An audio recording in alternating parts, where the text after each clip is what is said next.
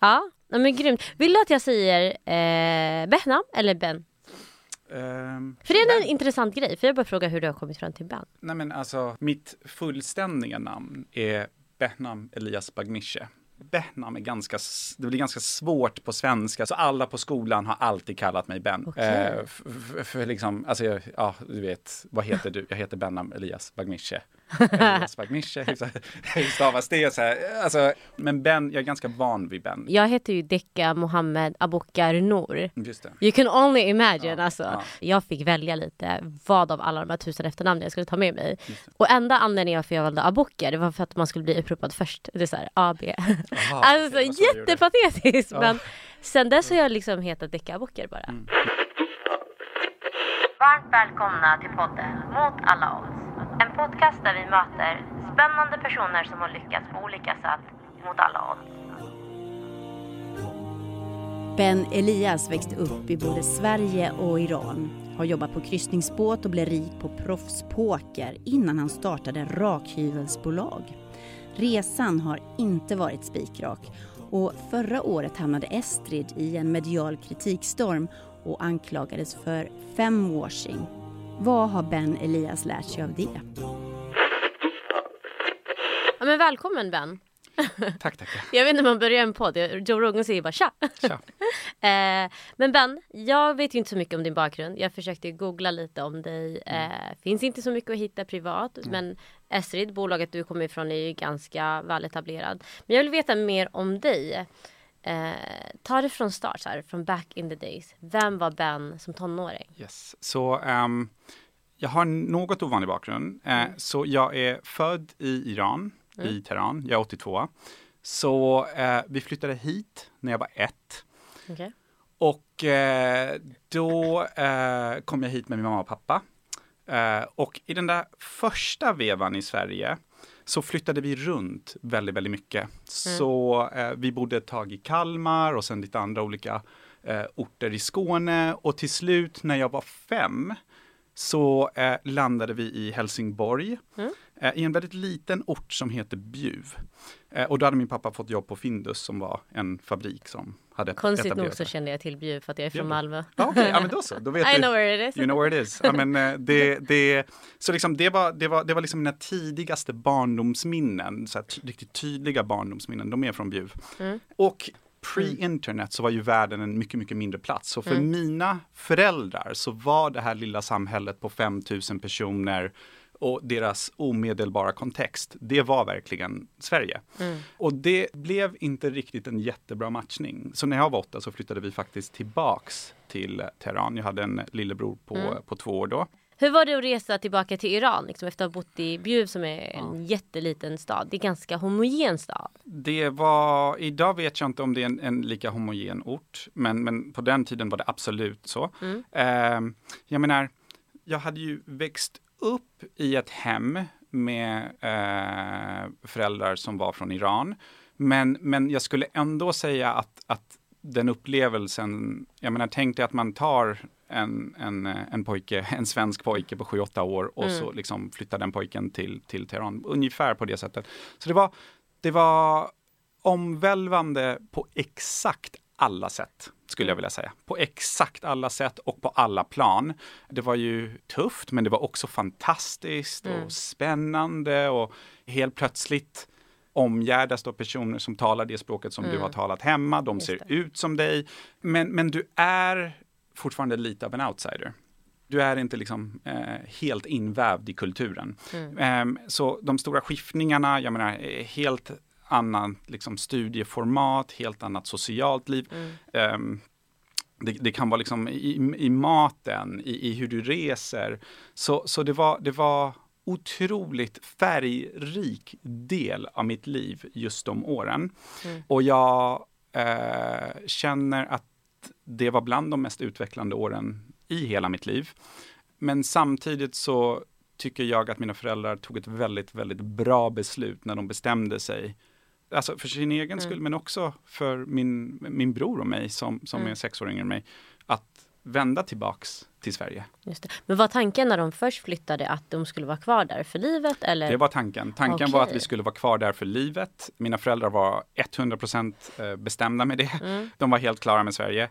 Men jag tror de hade underskattat Sverige. Mm. Hade underskattat eh, den välfärden som vi åtnjuter i Sverige. Mm. Det sociala skyddsnätet. Det faktum att så mycket i våra liv är så himla konsekvent. Lagar är konsekventa. Mm. De är inte godtyckliga. Eh, eh, så, så, så, så, så det var någonting som hade underskattats. Så vi flyttade faktiskt Tillbaka. hem eller tillbaka. Det är Eh, inte så ovanligt dock den här resan av att flytta hit och sen känna sig utanför och bara nej det här funkar inte. Eh, vi åker tillbaka. Speciellt om man kommer från ett land där det inte liksom är krig eller annat, eh, andra oroligheter. Och sen känna nej, jag måste tillbaka till Sverige. Alltså liksom ett Ja. mellanförskap. Ja, jag ska säga att det fanns liksom- en väldigt viktig faktor i det här. Ja.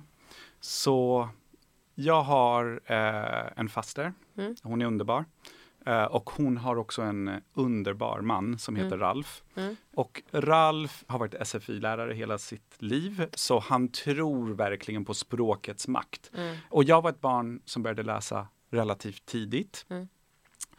Mm. Och eh, i vår familj så kände jag alltid att liksom Ralf var den personen som man skulle eh, kunna komma till om man ville läsa någonting. De, hade, de bor i Akalla idag men de har liksom ett bibliotek i ett av rummen så det var liksom en väldigt stor, det är en väldigt stor del av deras liv, litteratur. Och när vi flyttade till Teheran och jag, alltså, mm, alltså jag blir så tacksam att jag, jag, jag gråta ibland men, men det är verkligen ett, eh, bland det finaste någon någonsin har gjort för mig. Ralf skickade en bok till mig på svenska varannan vecka under alla de fem åren som vi var där. Jag var ju ett litet barn och när man är ett litet barn så tänker man inte på att ringa och tacka. Nej. Utan det var verkligen envägskommunikation. Så varannan vecka så fick jag en deckare in i brevlådan. Och, och det var så jag höll igång Mm. min svenska under de fem åren. Och fick också upp liksom ett intresse för att, alltså ännu större intresse för att läsa och läsa på svenska. Så när jag kom tillbaka så hade jag det med, med mig och det var verkligen, verkligen vitalt. Ehm, Men varför läste du böckerna? Hade du så hopp om att komma tillbaka? Nej, det var underhållning. Det var Eh, underhållning, man, man får ju, alltså, du, du, är ju, du är lite yngre än mig Decca, men det, det, det, det, 94. Eh, ja, men, ja, men, så här, det, det, vi, vi- pratar om en tid liksom pre-internet, eh, är det? liksom, få tv-kanaler, alltså man tog den underhållningen man kunde jag få. förstår. Och i det här fallet, jag minns ju det så otroligt väl. Liksom. Jag tyckte ju att, att det var liksom, amen, månadens höjdpunkt när de här böckerna damp ner. Ja. Så, så det hade jag med mig när jag kom tillbaka. Men sen när man kom tillbaka så hade man ju helt klart under de här fem otroligt formativa åren också förändrats och eh, kanske gått från att vara nu använder jag citationstecken, svensk till Mm. att, till att liksom komma i närmare kontakt med sin egen kultur. Just. Det jag verkligen kommer ihåg var att mina lärare ändå reagerade väldigt positivt Mm. på hur jag uttryckte mig i tal och skrift på svenska. Mm. Och det tror jag verkligen härstammar från den till synes väldigt lilla gesten men som Mm. jag tror har påverkat mig genom hela livet. Ja, men det måste ju du ha gjort. Alltså. Absolut. It got you there. Absolut. Nej, men efter fram och tillbaka från Iran hit och tillbaka. Eh, känner du dig som svensk idag? Och hur kände du när du först kom tillbaka? Uh, jag skulle säga att när jag först kom tillbaka så kände jag mig definitivt inte som svensk. Mm. Eh, och jag skulle väl ändå vilja säga idag efter alla de här, åren att jag fortfarande inte känner mig som svensk. Utan jag känner att jag är en iranier. Mm. En iranier som, som har anammat väldigt mycket av den svenska Mm. kulturen och är väldigt tacksam för att det här fantastiskt fina landet finns. Mm. Men skulle inte säga att jag känner mig som en svensk. Mm. Så du är iranier i grunden? Det är din identitet? Jag, jag, det är nog min identitet, men som sagt känner mig otroligt tacksam nästan dagligen för att eh, det finns eh, ett så pass fantastiskt land som Sverige och att vi dessutom åkte dit, inte bara en, utan Mm. två gånger. Exakt. Mm. Men om vi snabbspolar lite till eh, gymnasiet, fick bra betyg. Mm. Vad hände sen? Nej, men så, så pluggade jag juridik på universitetet och ehm, sen så lite efter ett år ungefär, Mm. så började jag känna att jag ville ta ett sabbatsår. Mm. Och istället för den här klassiska backpackerresan så bestämde jag mig för att jobba på kryssningsfartyg. Just.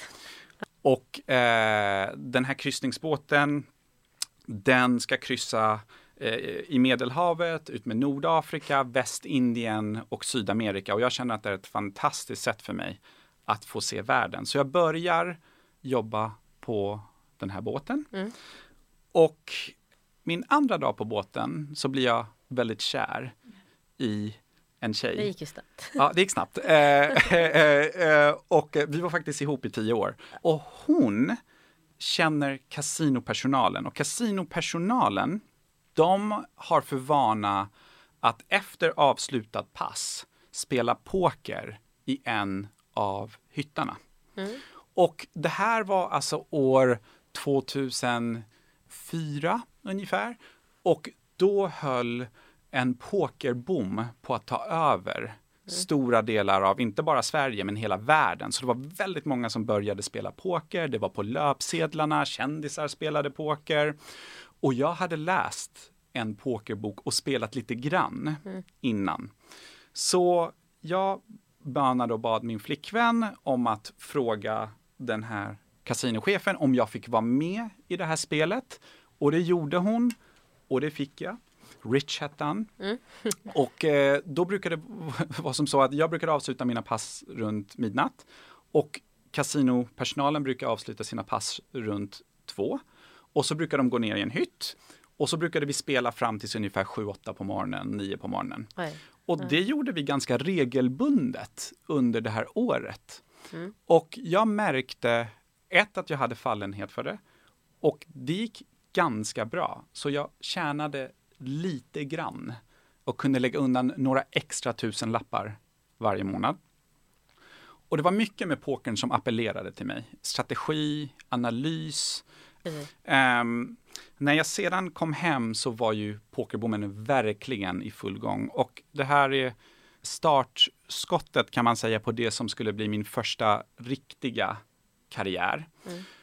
Jag spelade sedan poker i ungefär 13 år. Till absolut största del online. Och jag hade tänkt spela ett år. Och så blev det liksom ett år till. Och så det var alltid ett år i taget. Varför just ett år i taget? Alltså initialt trodde jag alltid att jag skulle ehm, kanske komma tillbaks och börja plugga igen. Eh, jag tror att eh, innan det så känner jag när jag kollar tillbaks på mitt liv att jag inte hade varit speciellt fantastisk på något. Hade alltid varit bra eller okej men liksom stod aldrig ut. Men helt plötsligt då när jag kom i kontakt med detta så kände jag att, att jag kunde ägna mig åt något som gav mig så otroligt mycket energi. Så jag kunde lägga väldigt mycket tid på analys. Eh, eh, att spela tog väldigt lite energi från mig. Jag var duktig, om än inte på att själv bygga mjukvara, men att hitta personer som gjorde det och kunna kravställa gentemot dem. Jag var duktig på att få andra pokerspelare att utbyta analys med mig, vilket som sagt ehm, eh, i en sport som är så individuell, att kunna göra det till till, eh, jag ska inte säga en teamsport för det är det inte, men att, men att, men att kunna liksom få andra människor att förstå värdet av att hjälpa varandra. Det finns något som är entreprenöriellt i det som, jag, som, jag, som också appellerade väldigt mycket till mig och som jag tror gav mig en fördel inom, Mm. i situationstecken, sporten. Ehm, så som sagt, ungefär 13 år. Och ehm, det här leder ju oss lite in till Estrid. Mm. Ehm, för jag träffar mina medgrundare var för sig. I slutet på 2016, början på 2017. Mm. Och jag menar, hur startas bolag? Eh, Alltså, jag, jag tror att det börjar ju med att man först träffar andra människor som man tycker om. Precis. Och i det här fallet kände jag att här är två personer som är väldigt duktiga, otroligt sympatiska, väldigt olik mig. Ehm, På vilket och- sätt? ja, Är du men inte sympatisk? jag, jag, Jag hoppas att jag är sympatisk, men, men vi är, jag tror att alla, alla som har träffat oss tre och om jag tänker på internt i bolaget, mm. så tror jag nog att de skulle beskriva oss som tre väldigt olika människor. Um, uh, vi jobbar med olika saker, får energi av olika saker, har mm. olika styrkor och det här kände jag ändå ganska tidigt att det här är ett kompletterande team på lite olika sätt. Mm. Och det är egentligen startskottet för resan. Men vad hände sen när du, efter du hade träffat Amanda och Alan och du klickade och kände att det här är individer som är intressanta, vi är inte lika alls. Just det. Vad hände sen? Ja, det var ju inte det var inte en situation där vi omedelbart bestämde oss för att det här är vad vi ska göra och satte igång med det. Utan eh, vi hade alla andra projekt och det var oklart också om vi skulle göra något tillsammans. Men den efterföljande tiden var ungefär 20 månader där vi gjorde research. Så Estrid föregås av en extremt gedigen researchperiod där vi började kolla på eh, sektor efter sektor efter sektor inom det som kallas för FMCG, Fast Moving Consumer Package Goods, det vill säga den typen av produkt som ett Procter Gamble tillhandahåller eh, schampon, rakhyvlar, tvålar etc. etc. Började kolla på sektor efter sektor efter sektor. Och det intressanta där, det var att datan som vi hade och affärscaset eh, som vi hade stöttade inte riktigt Estrid. Och om man bara hade förlitat sig på vår research så hade vi valt ett annat spår. Men Estrid var i mångt och mycket ett magkänslebeslut i slutändan trots den gedigna researchen. Jag tror att våra instinkter skrek mm. och jag tror att vi själva blev lite kära i tanken på vad Estrid skulle kunna bli. Um, så oktober 2018 bestämde vi oss för att okej, okay, det är nu eller aldrig. Ska vi göra detta eller inte? Och för egen del så var det ett väldigt svårt beslut för mig. Jag höll på att ha mitt bästa år någonsin eh, inom pokern då. Men jag kände ändå att gud, vi har verkligen gjort vår hemläxa. Vi förstår var vi ska börja någonstans. Uh, vi förstår nästa steg och sen så har vi en uppfattning om den större visionen, just detta med att bygga ett framtidens POG. Så vi bestämde oss för att köra. Vi lanserade i maj 2019, så det är ungefär två och ett halvt år sedan. Eh, mm. Och sedan dess har det gått så du släppte bara pokerkarriären helt? Ja, när jag polade ihop mina databaser så hade jag spelat 8 miljoner händer. Mm. Den sista handen jag spelade var oktober eh, 2018. Och vem vet, kanske den sista handen jag någonsin spelade, I, I don't know. Men eh, eh, bland de bästa besluten jag någonsin har tagit i mitt liv, fastän det inte alls var självklart då och det var inte självklart för människor runt omkring mig heller mm. när jag rådfrågade dem. Eh, men i efterhand eh, så är jag glad eh, att jag lyssnade på den där inre rösten. Jag tror att en ganska bra kalibrering för mig är att liksom gå tillbaks till 14-15-åriga Ben och liksom försöka förstå vad som skulle göra han stolt mm. och vad han skulle vilja se av lite äldre Ben. Eh, och jag tror att det, var, det var nog eh, eh, det som vägledde mitt beslut i alla mm. fall. Och jag tror att det var olika faktorer för de andra. Och där andra började liksom er resa med Estrid som har liksom vuxit rekordsnabbt tycker jag. Och grattis liksom till alla framgångar. Eh, men det har inte bara varit liksom så här ros som man brukar säga. Det har varit mm. ris också och ni har ju blivit kritiserade för just femwashing mm. förra året. Mm. Hur var det mitt i torktumlaren av kritik? Det som hände var att eh, Breakit eh, gjorde en granskning av ett antal eh, konsumentbolag. Konsumentbolag som eh, framförallt eh, i sin kommunikation vände sig mot kvinnor. Mm. Och ägarförhållandena i de konsumentbolagen. Och jag tror att det var vi och eh, Stronger, Xlash och något mer bolag som jag inte minns. Eh, och kollade på det och eh, där såg man att det manliga ägandet var betydligt större i de bolagen. Och det blev ju en, eh, en ganska stor granskning, en vida omspridd mm. granskning. Um, och jag är otroligt pro det journalistiska arbetet. Jag tycker att det journalistiska arbetet är av yttersta vikt för ett demokratiskt samhälle. Mm. och är av yttersta vikt för att jämna ut spelplanen. Um, så det är nummer ett. Uh, nummer två, um, och det här är, när jag, när jag säger det här så menar jag alla beslut som har tagits i Estrid. Um, vi är inte perfekta personer, så när man, när man gör en sån här resa, vare sig det gäller funding eller supply chain eller produkt, så har man i grund och botten människor som eh, har väldigt lite erfarenhet, som väldigt snabbt ska samla på sig väldigt mycket erfarenhet och eh, på olika sätt eh, navigera sig fram. Och där skulle jag vilja säga att, att, eh, att eh, vi, vi, är bara inte perfekta personer. Sen, så som en tredje sak jag skulle vilja säga att jag tyckte det var en väldigt, väldigt bra granskning. Eh, på strukturell nivå så finns det ingenting som jag inte håller med om vad gäller artikeln. Eh, men sen så tycker jag att på en, på, en, eh, på en nivå som är det individuella bolaget så finns det alltid olika nyanser, situationer eh, som, som är unika. Men vad, vad lär du dig då mest under den här kritikstormen? Alltså, när eh, en sån här situation dyker upp mm. så tror jag att det absolut bästa att göra är att, att verkligen ta till sig, rikta blickarna inåt, kolla på våra strukturer, kolla på våra processer. Tanken med Estrid är ju att vi ska som bolag och precis som alla andra bolag tycker jag kunna bidra till ett strukturellt mer jämställt samhälle framåt. Mm. Och det är en uppgift som inte alltid är så lätt på grund av att vi lever ju i vissa strukturer. Kapitalfördelningen i samhället ser ut mm. på ett visst sätt. Men att bara kunna nudga det i rätt riktning lite grann.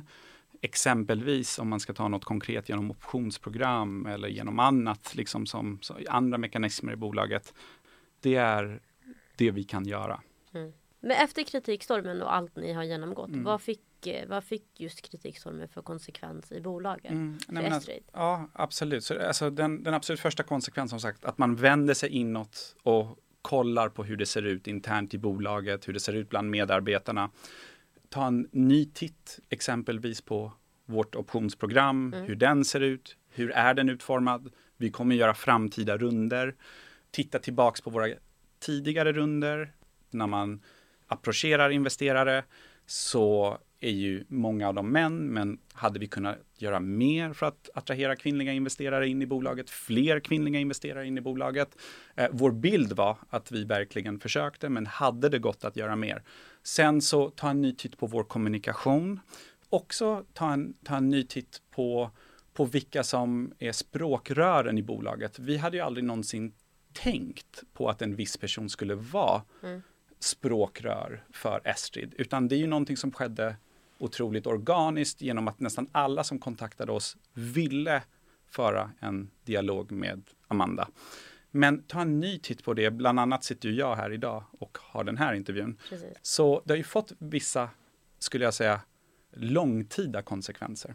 Mm. Och förbättringar låter det som. Jag tror att alltid när en sån här sak sker så mynnar det nästan alltid ut i förbättringar. Jag har väldigt svårt att se att en granskning av ett bolag skulle kunna mynna ut i något negativt. Jag har bara väldigt, väldigt svårt för att se det. Så länge bolaget har goda intentioner, Precis. människor som är bakom bolaget, så länge de har goda intentioner, så länge de är villiga, villiga att ta till sig, så, så länge de är villiga att utbilda sig själva, så, så är min tro att det är väldigt svårt att uh, utfallet på något sätt skulle vara negativt. Mm. Och du berättade ju det här med att ni jobbar väldigt mycket internt och har tagit med er mycket av lärdomarna internt. Men hur gör ni konkret med att jobba med kultur i företaget? Och vad har du mm. för tips till företagsledare som lyssnar? Att verkligen sätta sig ner och definiera de beteendena som man tror är viktiga för att bolaget ska lyckas och de beteenden som man vill ha på sin arbetsplats. Så det är ju nummer ett, att verkligen så ha dem definierade. Sen så handlar det också om att leva de beteendena. Och jag är en väldigt stark eh, believer i att, i att eh, de beteendena som grundarna och ledarna uppvisar tidigt i ett bolag, de hänger med under väldigt, väldigt lång tid framöver. Så det är så otroligt viktigt också att vara väldigt medveten om dina handlingar, Eh, eh, det du säger, hur du säger det. Jag kan ju ge exempel på ett par av de värderingarna som, som, som, eh, som vi har. Väldigt grundläggande för Estrid har ju varit exempelvis Customer and Community Love. Att verkligen hysa en djup och sann respekt eh, gentemot våra kunder, gentemot vårt community, att behandla dem eh, med värdighet, eh, inte ta dem för given. Vi pratar mycket om togetherness and collaboration. Vi är ett extremt kollaborativt företag och där kan man också sätta upp olika typer av mekanismer mm. som gör att folk kanske inte kliver på varandra eller på olika sätt konkurrerar med varandra. Exempelvis har vi valt att inte ha bonusprogram än så länge i Estrid utan istället valt att, uh, att uh, endast utfärda optioner. Mm. Um, en tredje sak skulle vara speed. Vi tror att det är väldigt viktigt att vi är snabba på att ta beslut och agera snabbt. Så bara något så enkelt som att tydliggöra att man får höra ledarna säga att det är okej okay att 90% eller 95% av alla beslut i det här bolaget tas på under 10 minuter. Vilket är vad jag absolut tror på. få panik. 90-95% av alla beslut i det här bolaget kan tas på under 10 minuter. Ja. Man behöver inte ha fyra sign-offs, man behöver inte fastna i någon slags storbolagspolitisk mardröm för att kunna skapa någonting eller bygga någonting. Mm. Utan um, om du har uh, en tanke och du tror på den och kan argumentera för den så ska du väldigt snabbt kunna exekvera på den. Och ju mer jag hör dig prata om Esri, mm. desto mer känner jag att allt du säger på något sätt är en produkt av Esrid. Att man mm. ser liksom att där ni har kommit idag på den rekordsnabba tiden. Att det finns en tanke bakom det. Mm absolut tur i all ära liksom, men it's actually hard work och det är mycket strategier känns det mm. som. Men jag skulle ändå vilja säga att vi har haft otroligt mycket tur. Ja, jag vill bara säga, och sen, ja, ja, återigen för att tydliggöra, och det här är ingen falsk ödmjukhet, mm. men det här blir en intressant effekt av pokern. När man spelar poker mm. så har vi ett begrepp som heter varians. Och grejen med varians är att låt oss säga att jag spelar 1000 händer och av de 1000 händerna så vinner jag 550. Mm. Men jag vet ju inte när. Jag vet inte vilka händer specifikt som är mina vinsthänder. Över tid så kommer det här jämna ut sig. Jag kommer vinna 550 händer per tusen händer. Men låt säga att jag hade förlorat mina första 250 händer. Hade jag orkat fortsätta? Nej. Hade jag varit kvar? Mm. Hade vi fått funding? Hade någon trott på oss? Hade jag blivit deprimerad? Hade jag och mina medgrundare um, slutat vara taggade?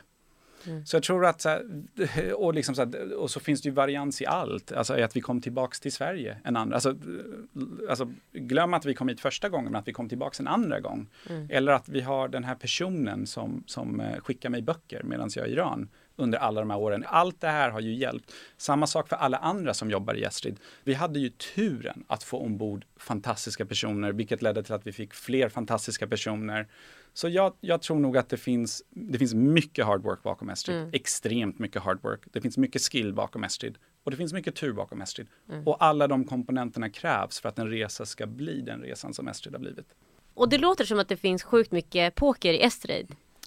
Alltså jag ska säga så här, när man kollar på mitt ledarskap så skulle det ju vara väldigt svårt att i alla fall inte vara färgad av, av de upplevelserna och de erfarenheterna som 13 år och 8 miljoner händer medför. Eh, men så, så, lite, lite grann finns det i alla fall, absolut. Mm.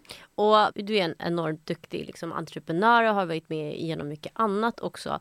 Vad skulle vara din allra bästa tips till en, eh, en blivande entreprenör eller nybliven entreprenör som är väldigt tidig i det hela? Mm. För nu ser de liksom Esrid, Unicorn, det är livet. Mm. Vad, vad säger du om mm. man tar tillbaka till 15-åriga Ben i Akalla? Alltså, jag tror att jag skulle säga till 15-åriga Ben. I Akalla. I Akalla. Jag skulle nog säga att, eh, att du kan mer än vad du tror. Och det du inte kan kommer du kunna lära dig. Och du kommer inte behöva lära dig allt, för det kommer finnas andra människor som kommer hjälpa dig på traven. Var ödmjuk inför den hjälpen. Var hjälpsam tillbaka. Jag skulle säga våga. Eh, men samtidigt om det inte går vägen, var inte alltför hård mot dig själv. Det är nog de tipsen som jag skulle ge till, eh, till 15-åriga män. Mm. Jag kände att du tilltalade 15-åriga deckare ja. precis. Nej men man känner det verkligen. Det är, ja, men tack så sjukt mycket Ben för din tid och tack för att du gästade oss i Mot alla odds. Tack själv, det var grymt. Mot alla odds är ett samarbete mellan Breakit och Bling och produceras av mig som heter Katarina Andersson. Shift-sponsorer backar den här podden och Jens Nilsson på Nyvik är en av dem. Välkommen Jens! Tack! Tjena, hur mår du? Jättebra tack! Eh, men Jens, du var med förra året som investerare. Ja. Du gick in i några bolag. Vill du berätta vilka bolag och hur det har gått?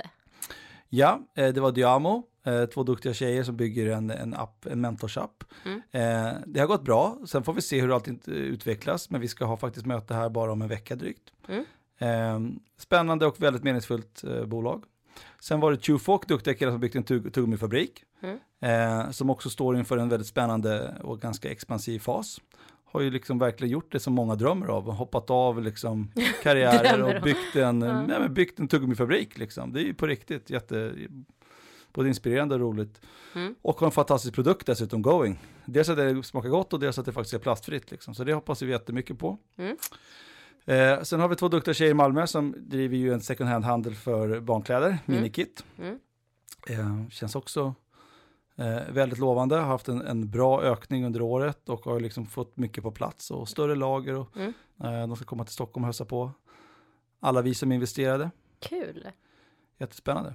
Ja, nej men grymt och extremt bra bolag verkligen. Eh, men i år har du valt att vara med som partner också för initiativet Shift då. Eh, varför? Jo, men jag var ju ganska tagen förra gången. Jag tyckte att det var väldigt eh, meningsfullt. Mm. Jag tyckte vi hade väldigt roligt. Det var väldigt imponerad av väldigt liksom, energin, av bra case. Och jag tycker själv det är väldigt roligt att vara i den här liksom, entreprenöriella miljön. Mm. jag har varit Stå ut med mig och Stefan. ja, det också. Nej, men jag har jobbat i den här typen av miljöer sedan 2007. Mm. Och jag trivs verkligen att vara där. Mm. Och jag har ändå börjat göra en del investeringar och uh, när liksom frågan dök upp så tyckte jag det kändes väldigt uh, träffande. Mm. Och jag tror ändå att jag kan bidra till många av de här bolagen på ett lite annorlunda sätt än traditionella investerare eftersom jag har ju liksom lite grann vandrat den vägen som de står inför att vandra. Liksom. Precis, och det leder mig egentligen till nästa fråga, för du har ju varit med och grundat Offerta och idag driver du riskkapitalbolaget Nivik bland annat. När tycker du att man bör söka riskkapital? För jag tror att det finns en jättestor feluppfattning om när och hur mycket och vart. Så navigera dem lite. När bör man söka? Nej, men jag tycker att man ganska tidigt i ett bolags födelse ska försöka komma i kontakt i alla fall med personer som kan vara villiga att investera ganska tidigt. Mm. Men som också genuint tror på idén och genuint vill liksom lägga lite tid och lite engagemang och lite effort mm. i att öppna nätverk, öppna dörrar. Förhoppningsvis kunna coacha lite grann kring både produktutveckling, organisationsutveckling, sådär. men mm. liksom få någon att liksom hålla i handen lite grann. Uh, och jag tror många har en alldeles för stor respekt mm och väntar alldeles för länge och tror att det ska vara alldeles för liksom, elaka typer av eh, möten och sammanhang. Det är det inte alls. Jag har pitchat flertal VC-bolag i Stockholm genom åren och oftast lär man sig väldigt mycket. Så mm. det är lite win-win. Antingen har man lärt sig väldigt mycket mm. eh, eller så har man kanske fått en, en väldigt kompetent investerare liksom, som kommer ombord. Så det finns egentligen ingenting att förlora. Så du tycker så tidigt som möjligt egentligen? i alla fall tidigare än vad många gör. Jag ska säga mm. så här, man måste nog ha kommit en liten bit så det finns någonting att liksom prata kring och visa upp och sådär. Men det kanske skulle vilja säga att man i alla fall inte ska, man ska inte vänta för länge och man ska inte känna sån här överdriven rädsla eller respekt att det här kommer bli liksom elakt. Liksom. Tvärtom får man konstatera att alla de där giftiga frågorna eller kanske man säger spetsiga frågorna mm gör ju förhoppningsvis både bolag och produkt eh, mycket bättre, mycket fortare. Mm. Som du ser, man tar med sig någonting varje gång, man lär sig någonting. Absolut. Och Verkligen. de här frågorna som är, de är inte illvilliga, de träffar ju ofta ganska ömma punkter där man kan känna att ja, det där är ju sant att vi inte riktigt har tänkt på än, eller mm. det där borde vi nog försöka adressera eller fånga upp lite bättre. Mm. Verkligen, och sist men inte minst, vad är dina två bästa tips till entreprenörer som precis har startat sin liksom, entreprenörsresa? Nummer ett är ju att försöka samla runt sig själv som ett team. Eh, Mm. Att man faktiskt ganska tidigt konstaterar att här, vi kommer behöva vara ett par stycken här. Eh, och att man eh, lägger mycket krut på att få, få på plats liksom, ett team som verkligen gillar varandra, vill jobba tillsammans och är också införstådda med att det här kommer ju ta ganska många år. Eh, Och ganska mycket att man också lägger krut på att förstå varandra liksom som rent människor och privatliv och familj. Vart är man någonstans i livet? Så att man Mm. liksom synkar. Hur kommer vi jobba tillsammans de närmsta tre till fem åren i alla fall? Eh, Mm. Och är man riktigt modig så kan man till och med ganska tidigt försöka ha en lite mer tuffare workshop. Hur man hanterar liksom meningsskiljaktigheter eller konflikter eller att du ska vara föräldraledig sex månader. Och liksom, Tycker inte man borde ta det direkt? Jag tycker man ska ta det. Jag tror många knuffar den här diskussionen ganska långt fram. Mm. Och de flesta case som jag har sett, de faller ju liksom inte för att produkt eller idé är, är tunna, de faller ju för att teamet faller. Liksom. Mm. Och faller teamet, av ett team på tre, fyra personer, om en, två inte vill, inte har lust, inte kan eller man inte riktigt kommer överens. I tidig fas är ju teamet allt och det Mm. blir väldigt skört eh, Mm. om en av tre hoppar av. Och de andra två funderar på, okay, ska vi nu fortsätta eller vad ska vi göra eller ska vi stanna upp eller Mm. Och samtidigt så är man ju ofta under en viss privatekonomisk stress. För oftast har man ju tagit en risk som kan vara ganska hög. Liksom. Och månaderna tickar på där, liksom. inga inkomster. Ofta har man ju kanske ändå en flickvän, pojkvän, make, maka som tycker liksom så här, hur, hur går det? Liksom? Blir, blir, blir det Ska jag försörja dig? hur ska vi försörja oss framöver? Liksom? Är det något på väg eller hur ser det ut? Så. Ja. så att ett tips är väl liksom verkligen samla teamet.